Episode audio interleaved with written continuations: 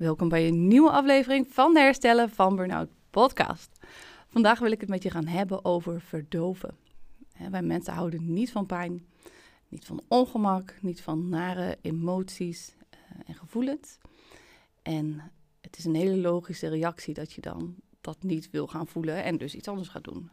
dus je gaat jezelf afleiden, ehm, je gaat het gevoel misschien verdoven of proberen te voorkomen. En dat doet iedereen. Uh, niet alleen wanneer je uh, burn-out hebt, maar ook wanneer je uh, nou ja, gewoon in het dagelijks leven iets meemaakt of iets bedenkt in je hoofd wat zou kunnen gebeuren. Um, dan willen we dat eigenlijk niet helemaal voelen. En aan jou de vraag: op welke manier doe jij dat? Ik kwam op het idee um, om hierover een podcast over op te nemen. Um, toen ik op Instagram een filmpje zag, of ik zag een, een Instagram Reels volgens mij voorbij komen. Van een jongen die had een uh, contract met zichzelf afgesloten om een maand lang bepaald gedrag te gaan uh, nastreven. Hij wilde volgens mij elke dag gaan hardlopen. Um, hij wilde elke dag, uh, in ieder geval niet op social media. En zo had hij nog wat andere dingen opgeschreven. En dan raakte ik toch geïnspireerd. Ik denk, hé, hey, dat is leuk. Ik vind de maand november altijd een beetje zo'n ja, een beetje een gevaarlijke maand waarin je zo met Halloween en uh, richting de Sinterklaas dat er allemaal lekkernij op tafel komt en uh, dat je wat meer naar binnen gaat. Het weer slaat om, hè, er komt wat meer regen, dus je trekt wat meer naar binnen.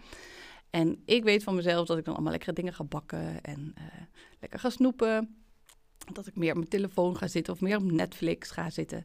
En ik weet dus ook dat ik me daar slechter door ga voelen. Hè, dus dan komt er zo'n, ik wil het geen winterdepressie noemen, maar ik merk wel dat ik daardoor iets minder vrolijk ben. Dus ik dacht, hé, hey, laat ik dat voor de maand november ook eens proberen. Ik ga eens een contract met mezelf maken en daarin ehm, eigenlijk het gedrag aanpakken waarmee ik mijn emoties en onprettige gevoel verdoof.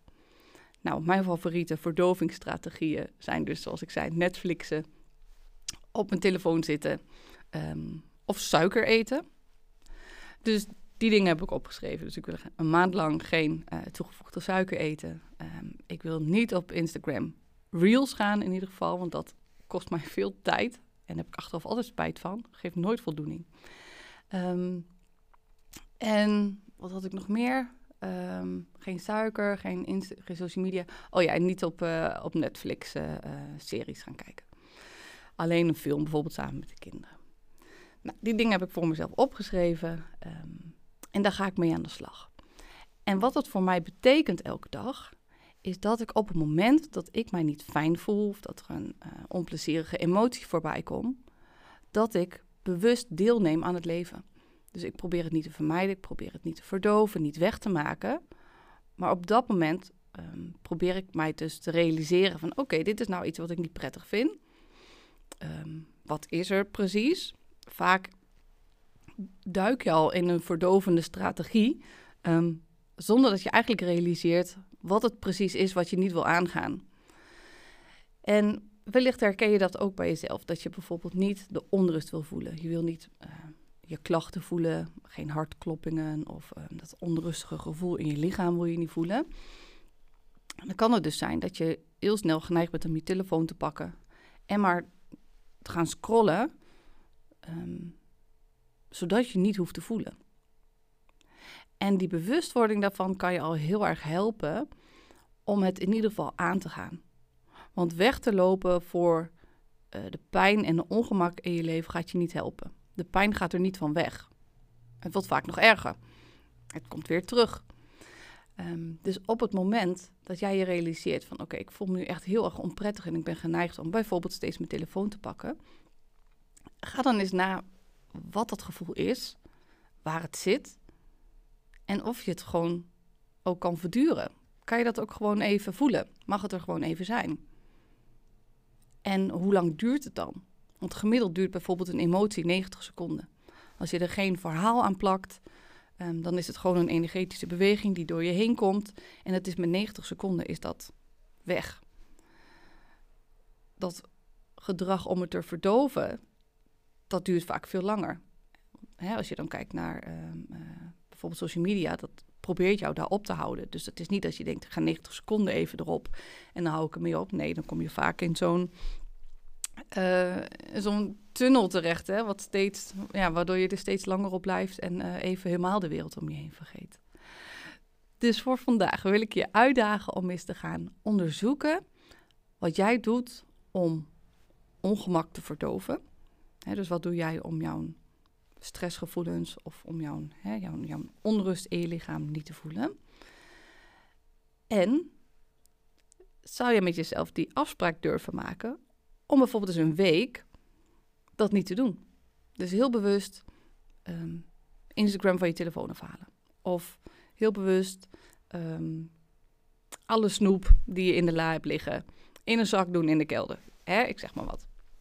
Misschien heb je andere manieren waarmee je bepaald gedrag verdooft. Misschien ga je juist ehm, de hele tijd schoonmaken. Dat je bijvoorbeeld niet wil zitten, want als je zit dan voel je je onrustig. Dus dan ga je elke keer wat doen. Dus dat je op die manier met jezelf afspreekt. Ehm, in plaats van verdoven met iets doen, of afleiden met iets doen, dan ga ik bewust zitten. En dan kijken wat dat doet en of je het dan ja, gewoon kan verduren. Ben je bereid om dat te voelen? Dus ik ben heel benieuwd wat er bij jou naar boven komt. Als je het leuk vindt, deel het ook gerust uh, via DM op Instagram met mij.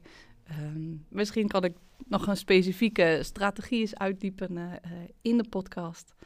Uh, maar wees je ervan bewust dat je het doet om iets niet te voelen.